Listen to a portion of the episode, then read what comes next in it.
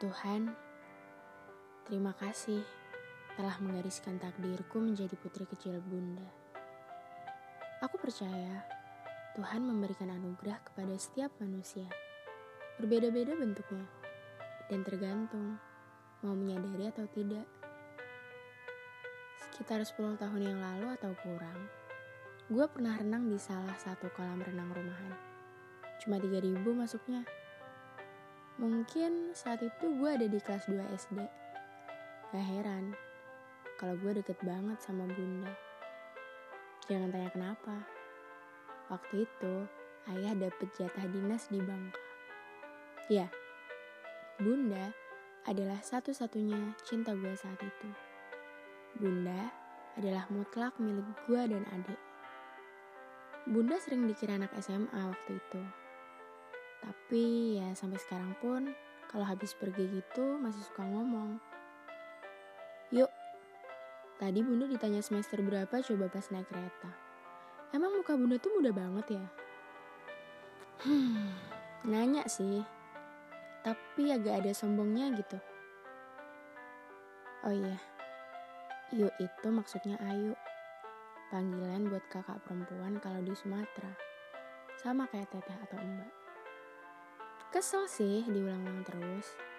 Kalau udah bilang gitu, mukanya suka senyum-senyum sendiri. Tapi ya, itulah asiknya doi. Di kolam renang itu, ada gua, emak, dan salah satu mbak-mbak. Satu mbak-mbak.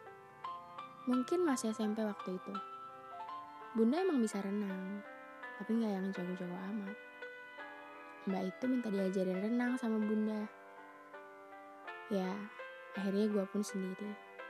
Gue sebel banget waktu itu. Tapi gue gak bilang ke bunda. Dalam hati gue, ih ngeselin banget sih mbak mbak. Orang yang mau diajarin renang kan gue. Masa jadi lo yang diajarin? Dan di akhir mbak itu bilang, Loh, ini anaknya kakak. Aku kira kakak masih SMA. Sumpah, bodo amat. Ini tuh harusnya waktu main gue sama emak malah lo rebut. Itu yang ada di pikiran gue saat itu.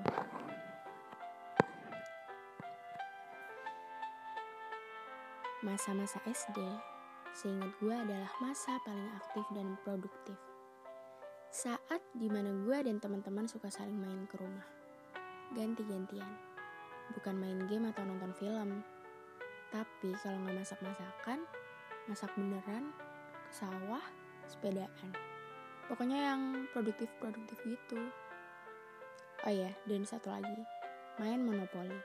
Gak boleh absen. Yang paling spesial dari kehidupan SD menurut gue adalah para orang tua yang saling terkait. Coba kalau sekarang, anak-anak SMA. Orang tua lu deket sama berapa wali murid di kelas? Pasti jarang. Dan kalaupun iya, pasti gak banyak. Karena kita sekarang kalau main langsung, gak pakai diantar. Jadi ya gak ada percakapan di antara orang tua kita. Mungkin terlihat gak penting sih, tapi bagi gue, kedekatan orang tua wali itu rasanya manis banget. Di kelas gue, hanya ada dua orang yang manggil orang tuanya ayah bunda, yaitu gue dan Adif. Sorry ya Div, bawa-bawa kamu. Dulu, gue akan menemukan banyak sekali orang yang manggil emak gue dengan sebutan bunda. Dan hati gue selalu protes. Hello rakyat, tolong sadar. Itu bunda punya gue bukan punya kalian. Ini serius. Gue benci banget sama orang yang manggil emak tuh bunda. Kayak semuanya gitu. Nggak teman-teman gue, nggak mahasiswanya bunda, nggak teman-temannya bunda, nggak tetangga, nggak sepupu. Pokoknya semua manggilnya bunda lah. Dan itu terjadi sampai gue kelas 6 SD. Setelah itu, gue udah jarang dengar orang manggil bunda gue dengan sebutan bun. Tahu kenapa? Gue mulai masuk asrama. Dan ya, gak ada lagi yang manggil-manggil bunda. Karena emang gak ada bunda di sana. Sampai suatu hari di kelas 7, pas hari penjemukan. Gue kira teman-teman gue akan manggil bunda dengan sapaan tante atau amah. Tapi ternyata zong. mereka manggil bunda dong. Woi, ini kenapa sih? Ya gue tahu gue kalau nyeritain ibu gue tuh pakai sebutan bun. Tapi kan itu bunda gue guys, bukan bunda lo pada gitu. Gue heran apa yang membuat orang-orang ini begitu. Bahkan bunda gue gak minta buat dipanggil bun. Dan akhirnya gue ngomong tuh ke bunda. Kalau gue gak suka. Dan gue ceritain betapa gak sukanya gue dengan panggilan orang-orang dengan sebutan bunda. Sampai pada akhirnya, waktu itu gue udah kelas 9. Dulu gue ada suatu masalah yang harus melibatkan teman-teman gue dan bunda untuk gimana caranya nyelesain itu. Jadi gue sempat kumpul beberapa kali sama teman-teman dan bunda. Pas emak gue pergi, ada salah satu teman yang nyeletuk. Bundamu enak banget ya Put, kayak temen. Lo tahu apa yang ada di pikiran gue saat itu dan apa yang gue rasain? Gila banget. Gue kayak, gue gak ngerti dia ngomong apa dan gue gak tahu harus gimana. Ya, gue gak ngerti apa yang diomongin teman gue. Dan sampai penjengukan selanjutnya, gue bilang tuh ke emak, Bunda, aku ikhlas bunda jadi bunda semua orang. Yap. Dan emak gue kaget dong dan nanya ada apaan gitu. Terus gue cerita tentang temen gue yang bilang begitu. Dan gue mulai ngerti. Oh, gak semua orang memiliki ibu seperti bunda. Mungkin dia ngeliat bunda lebih daripada dia lihat ibunya. Setelah itu, gue sama sekali nggak keberatan siapa pun manggil emak gue dengan sebutan bunda. Kalau perlu mah, kalian boleh kok nganggap bunda gue itu sebagai bunda kalian beneran, bukan cuma sekedar panggilan. Kalian boleh kok cerita ke beliau kalau seandainya ibu kalian belum bisa jadi tempat cerita. Boleh dan sangat boleh. Dan dari situ gue belajar bahwa apa yang lo punya itu pada dasarnya memang untuk dibagi, bahkan ibu sekalipun. Sekarang, kalau ada orang yang manggil bunda, gue cuma bisa senyum. Selamat datang di cinta seorang bunda.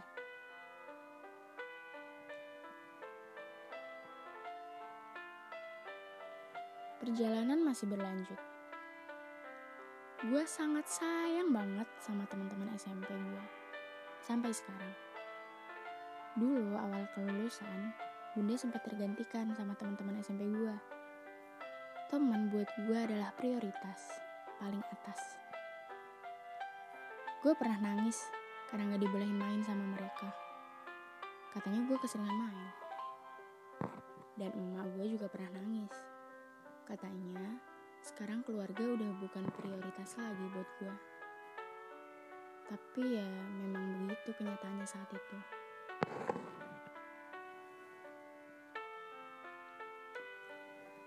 Walaupun sering main, gue tetap aktif nemenin bunda ke mana pun. Terutama pas ngisi acara. Dan itu adalah salah satu bagian paling menyenangkan dalam menjadi anak buahnya. Dapat snack enak, dapat ilmu, dapat ketemu sama orang-orang keren, dan gak bayar. Kadang-kadang kalau rezeki dapat tiket gratis plus jalan-jalan. Bunda selalu tanya sama LO-nya kalau memungkinkan. Saya bawa asisten. Budgetnya ada. Padahal mah bawa gua. Ya gue juga asisten sih, gak apa-apa. Selalu ada cerita baru di setiap perjalanan, di setiap kota. Kita nggak pernah diem-dieman di jalan. Kita suka banget yang namanya berbagi cerita. Apalagi memulainya dengan, Kak, menurutmu gimana? Atau, Bun Ibun, menurut Ibun gimana nih? Itu menyenangkan banget. Tapi yang lebih menyenangkan dari itu adalah menjadi bagian hidupnya. Bun, terima kasih karena telah menjadi ibu yang menyenangkan dan dekat. Terima kasih karena gak biarin aku mikir sendiri. Yang gak pernah main hakim, yang gak pernah nuntut untuk juara satu. Lo tahu, Bunda gak pernah ngelarang ketika ngelarang. Kok bisa? Ya, itulah ajaibnya Bunda. Dulu, gue sempet sebel banget sama ayah sama Bunda. Gue kayak apa-apa dilarang gitu. Apalagi soal jam keluar. Pikir gue, jam 5 harus udah di rumah itu gue kerjanya sekolah doang apa gimana sih? Sampai perlahan mereka mulai ngerti. Ya tapi dengan catatan gue tetap menghargai perhatian mereka dengan cara kalau acara gue udah selesai ya pulang, gak ngelunjak. Ya tapi kadang-kadang langgar sih, sering. Maaf ya bun. Terima kasih karena selalu menjadi ibu terbaik. Ada satu hal yang dulu sering banget gue tanyain. Konteksnya minta izin. Bun, boleh nggak aku naik gunung? Iya, benar. Pasti nggak boleh. Tapi lo tahu beliau nggak pernah ngelarang. Se nggak pernah itu. Beliau selalu nanya, persisnya naik gunung itu gimana? Sama siapa? Ah, pokoknya banyak lah refleksi kalau udah gue izin pergi nginep di luar apalagi tanpa orang dewasa? Mungkin lo berpikir ah alay ah. Tapi ya itulah bunda.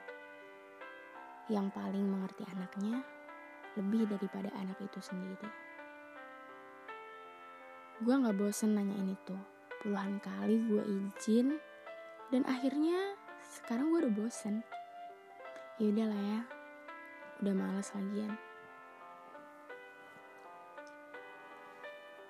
yang menyenangkan adalah oke okay, gue mungkin gak boleh camping sama teman-teman gue tapi beliau mengkompensasi itu selalu berusaha jadi teman terbaik gue yang bisa gue ajak camping bisa gue ajak jalan gue ajak snorkeling gue ajak mantai ke alam, bisa gue ajak nonton film, gue ajak belanja, bisa gue ajak apa pun.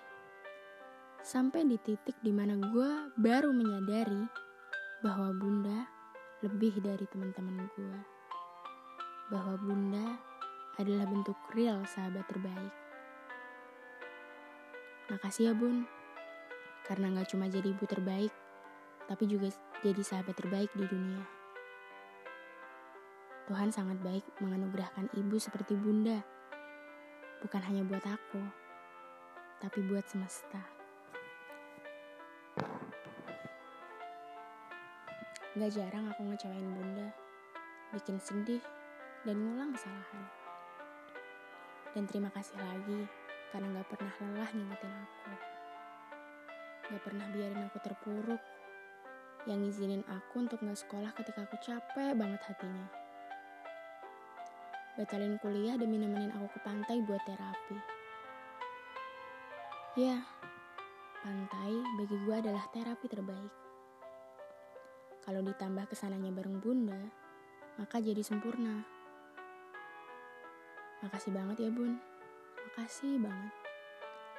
Aku gak ngerti apa jadinya aku tanpa ibu rasa sahabat. Pastinya aku gak ada di titik saat ini sebahagia ini. Bunda yang selalu menginspirasi, yang selalu ngajarin bahwa harga bukan ada di uang kita. Allah yang ngasih rezeki. Bunda selalu bilang bahwa berbagi ke dunia itu dakwah. Wajib. Jadi, gak masalah mau kita gak dibayar sekalipun. Karena dengan dunia mendapatkan kemanfaatan dari diri kita, itu udah bayaran yang berharga banget. Makanya, gue kadang heran dan diajarkan heran memang.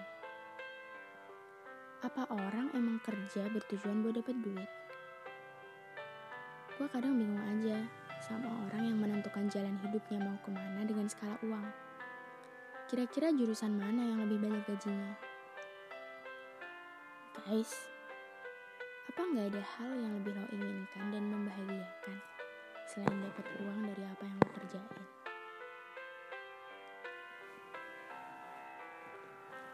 Oh iya, beberapa dari kalian pasti ada kan yang diharapkan jadi penghafal Quran sama orang tuanya.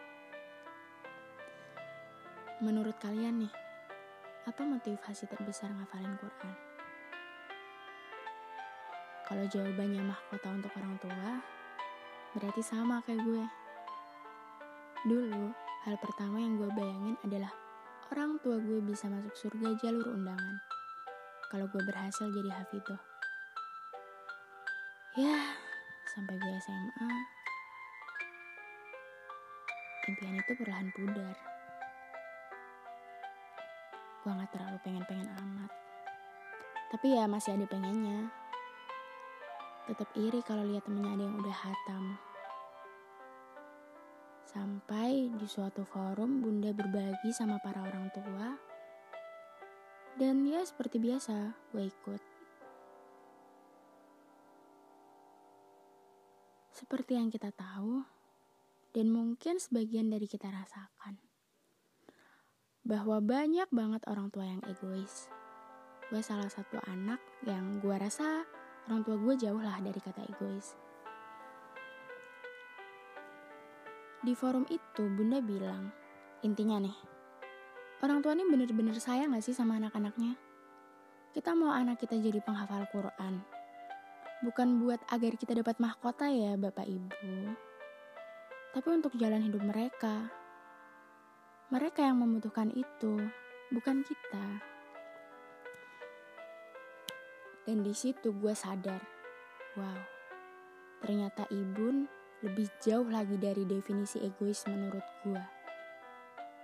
Iya, gue termasuk suka ngeyel kalau disuruh murojaah ngulang hafalan. Dan saat forum itu gue baru sadar, iya juga ya, ini kan buat hidup gue, gue yang jalanin.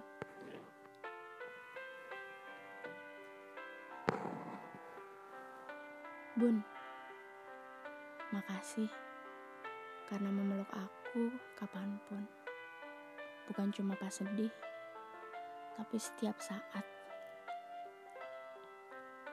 Katamu untuk gizi jiwa.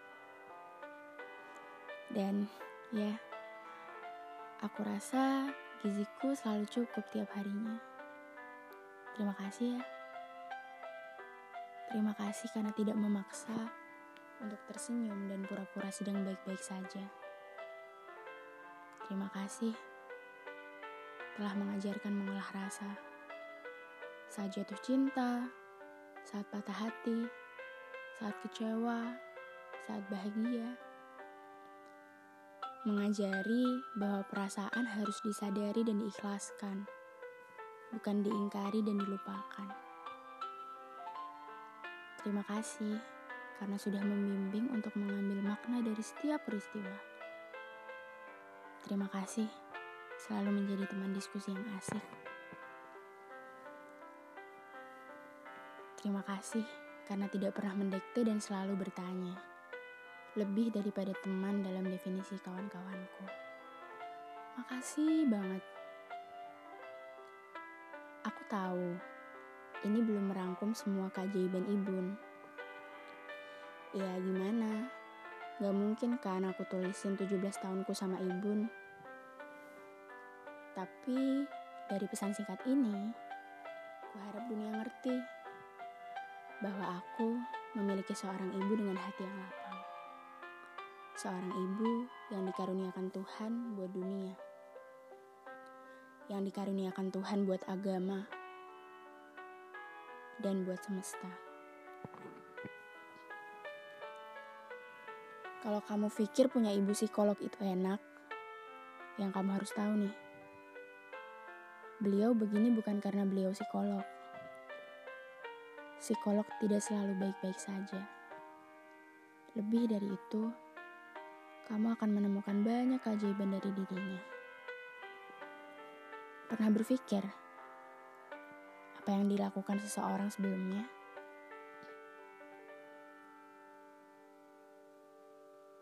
Beliau adalah siswi pertama yang berani pakai kerudung di SMA-nya. Sempat disuruh copot kerudung sama gurunya pas pemotretan foto ijazah, tapi nolak. Kata gurunya, jilbab adalah penghalang prestasi. Tapi gadis ini waktu itu membuktikan bahwa sama sekali tidak ada hubungannya. Dan jadilah Bunda salah satu dari enam orang yang punya foto ijazah SMA berkerudung. Dan kuharap kamu tahu bahwa bukan menjadi seseorang dulu baru dapat melakukan sesuatu. Tapi melakukan sesuatulah yang menghantarkanmu menjadi seseorang.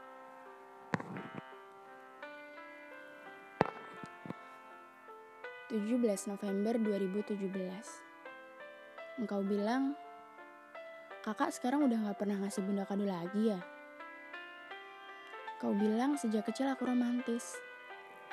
Tapi beranjak remaja, aku lupa bagaimana cara romantis.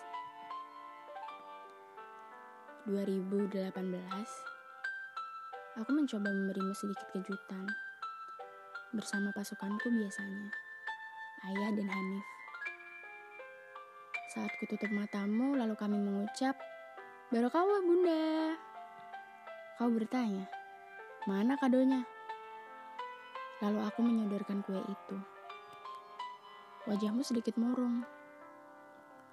Aku tahu kau lebih suka diberi tulisan atau puisi. Sesuatu yang kami buat sendiri. Tapi aku benar-benar sudah lupa caranya berkata-kata. Merasa bahwa itu hanya membuang waktu. Lebih baik membeli sesuatu untuk diberikan kepadamu daripada harus berpikir. Beberapa hari setelahnya, ayah memberimu kado yang sangat kau suka. Lalu kau berkata kepadaku, Tuh, ayah udah ngasih tulisan di Facebook. Kakak mana? Aku tak menjawab. Hari ini, 17 November 2019. Aku harap aku cukup romantis tahun ini. Bukan untuk membayar tahun sebelumnya, tapi karena aku rasa kita memang semakin dekat belakangan ini. Dan hatiku sudah ingat bagaimana caranya. Kutunggu di Jogja ya, Bun tidak dengan kue lagi. Kali ini bersama limpahan cinta dari aku, ayah, dan adik dari asramanya. Selamat ulang tahun ke-45, sahabat sejatiku. Semoga selalu diberkahi Allah dan bermanfaat untuk semua. Barakallahu fi umrik. I love you.